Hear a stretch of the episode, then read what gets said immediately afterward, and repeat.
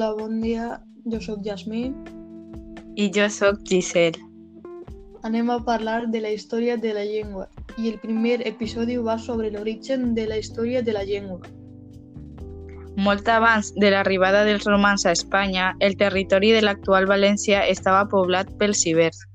Els ibers, segle V abans de Crist, són la primera gran civilització de la costa mediterrània de la península ibèrica. Els ibers tenien alfabet propi, que es pot desxifrar però no interpretar. Les treballs arqueològiques han permès obtenir abundants inscripcions ibèriques a les terres valencians, grauades en pedra o en plaquetes de plom procedents d'enterrament. Espanya occidental va ser intensament romanitzada, però la posterior influència musulmana va ser fins i tot major, fins al punt que, excepte per la breu conquesta dels, de la Cid al 1188, la població d'aquesta part de la península va ser fonamentalment musulmana. La romanització va ser una colonització romana en gran part d'Europa. La romanització va arribar a València en torn al 217 abans de Crist. La ciutat de Tarraco, Tarragona, serví de base des del segle II abans de Crist per a la conquesta de les terres valencianes. Amb el pas del temps anaren desapareixent els costums i la llengua ibèrics. L'origen de la nostra llengua, com el de la resta de llengües romàniques, català, castellà, gallec, portuguès, francès, italià, romanes, sard i occità, entre altres, està en el llatí vulgar. Aquest llatí d'ús popular estava allunyat de les normes gramaticals del llatí clàssic que empraven els escriptors d'aquella època i que ha perdurat a través dels textos. Eh, tot i que sembla que el català ja era parlat al segle mm, 8, no és fins al final del segle 4 i el segle 5 quan està plenament format tanmateix era una llengua que no existia en la pràctica oral ja que els documents encara s'escriuen en llatí. Els textos catalans més antics daten del segle XIII i són el Fòrum Iudicum, recopilació del dret visigot, i les Homílies d'Organyà, col·lecció de sermons. El primer text que s'ha trobat escrit en català és un fragment d'una versió del Fòrum Iudicum. El Fòrum Iudicum era un codi de les lleis visigòtic que fou traduït al català a mitjans del segle XII.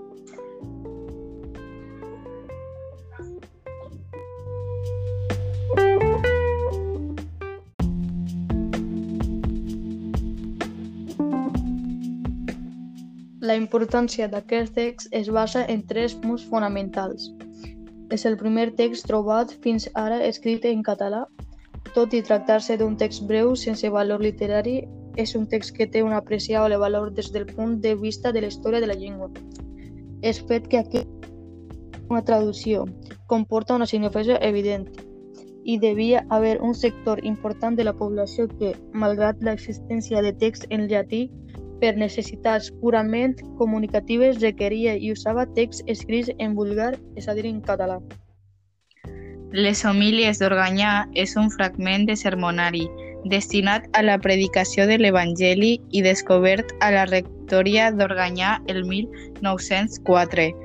Representa un dels documents literaris més antics escrit en llengua catalana. Durant el regnat de Jaume I, 1213-1276, es consolidà la corona d'Aragó i es fundà el regne de València, la primera compilació dels furs de València és del 1261. A partir del segle XIII, la nostra llengua comença a substituir el llatí, que era la llengua de prestigi gràcies en part a Ramon Llull, als autors de les cròniques medievals i a la Cancelleria Reial. Ramon Llull va néixer a Mallorca. Va viure del 1232 al 1316 i va ser un autor prolífic i polifacètic que va expressar els seus pensaments en llatí, català i àrab. El cor de l'aportació de Llur residia en el que he anomenat l'art. La art va ser el fonament de la seva apologètica i va proporcionar una base meteorològica única per a tots els camps del coneixement al segle XIII, des de la teologia fins a les ciències naturals i humanes. Les obres més importants de Ramon Llull van ser Llibre de les Bèsties, Ars Magna Generalis, Llibre de Bast e Blanquerna, Doctor Il·luminat, Vida Cocteana, entre altres.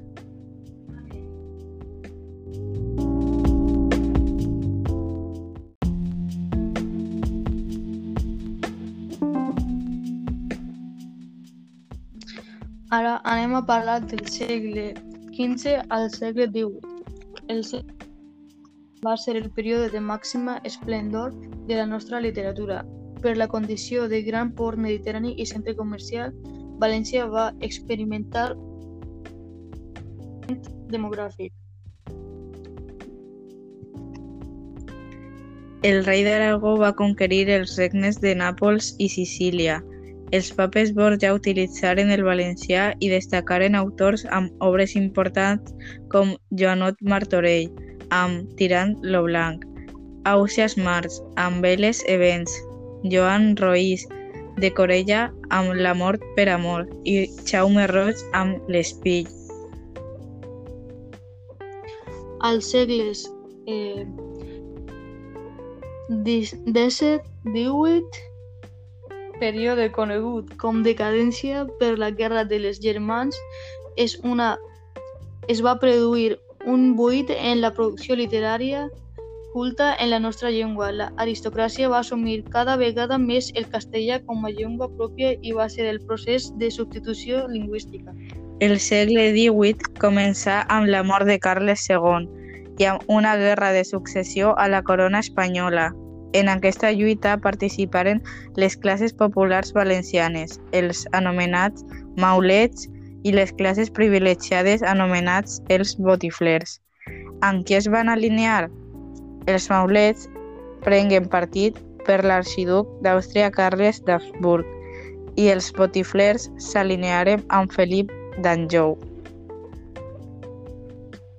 El 25 d'abril del 1707 les tropes borbòniques derrotaren els valencians en la batalla d'Alamansa. Felip V promulga els drets de nova planta, que són, eh, són les que anul·laven els furs i les institucions dels diferents territoris de la corona d'Aragó i imposaven el sistema administratiu castellà. El castellà s'utilitzava en les situacions formals, mentre que el valencià s'utilitzava en situacions informals.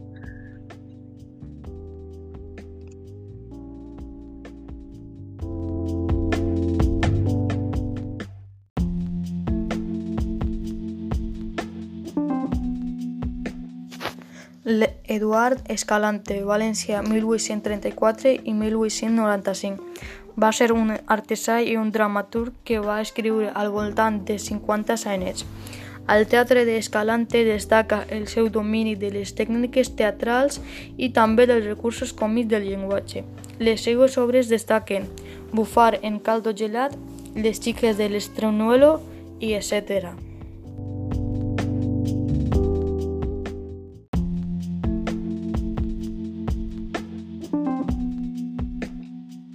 Ara parlarem del segle XIX. La Renaixença és un moviment cultural valencià del segle XIX. El nom sorgeix de fer renaixer el valencià com a llengua literària i de cultura. Els escriptors i els intel·lectuals de la Renaixença segueixen els models del romanticisme europeu. Aquest fou un corrent artístic i filosòfic que valorava els sentiments i reivindicava la llibertat va influir molt sobre l'art, la música i la literatura. A causa de la castellanització, els autors de la Renaixença van haver d'elaborar una llengua apta per la literatura. A Catalunya i a València es crearen els certaments literaris, com els Jocs Florals, rècord dels antics que celebraven durant l'edat mitjana.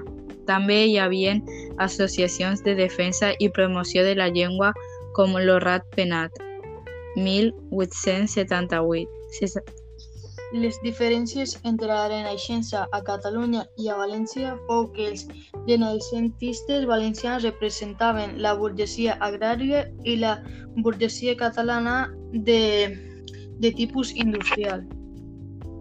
Van ser reivindicacions que culminaren des del punt de vista polític en el nacionalisme i des del punt de vista lingüístic en una preocupació per la normalització de la llengua i les classes populars alfabetes empra, empraven en valencià ple de barbarisme i castellanismes que feien servir en els sainetes i els llibres de falla.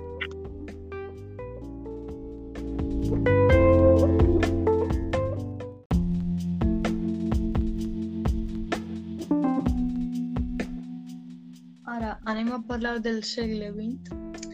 En el tombat del segle XIX al XX es treballa per recuperar la nostra llengua amb actuacions concretes que estaven encaminades a aconseguir dos objectius dependents entre si.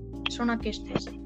La normalització, conjunt de processos pels quals una comunitat amb un conflicte lingüístic pretén estendre la llengua perquè sigui usada en totes les seues possibilitats i en totes les situacions socials va tenir històricament i que ha perdut. Per aconseguir cal elaborar les varietats i les registres lingüístics. La normalització, procés de creació dels instruments lingüístics, diccionaris, gramàtiques, etc., necessaris perquè una llengua puga ser usada en tots els àmbits d'ús. Aquest procés es va encetar amb la reforma ortogràfica i gramatical per Pompeu Fabra i l'Institut d'Estudis Catalans el 1913 durant la segona meitat del segle XX es publicaren nombroses obres que foren molt significatives en el procés de recuperació de la nostra llengua, entre les quals cal destacar la gramàtica valenciana 1950, els llibres de gramàtica d'Enric Navalor, Nosaltres els valencians 1962 i El País Valenciano 1963.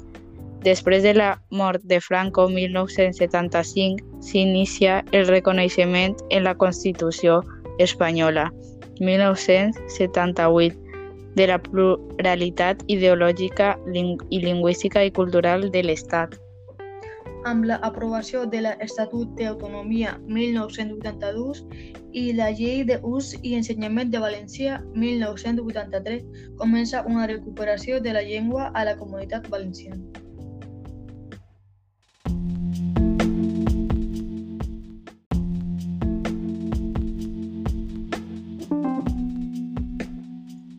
Ara parlarem dels reptes de futur.